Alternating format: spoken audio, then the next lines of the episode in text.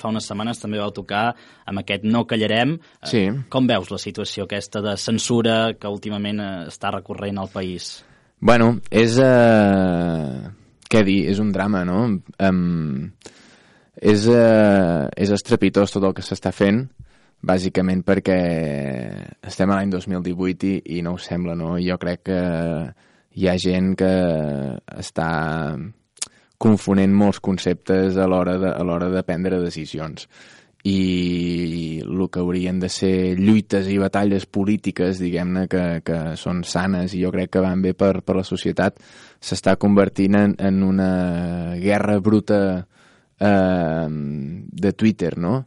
És a dir, de guerres de, de cada dia, de, de petites victòries i petites derrotes de, de cadascú. I, i aquí aquí acaba pringant al final és la societat i la gent que, la gent que no, hi té, no hi té res a veure, no? Um, la llibertat d'expressió, òbviament, ha de ser llibertat d'expressió i només per això s'hauria de permetre tot, no?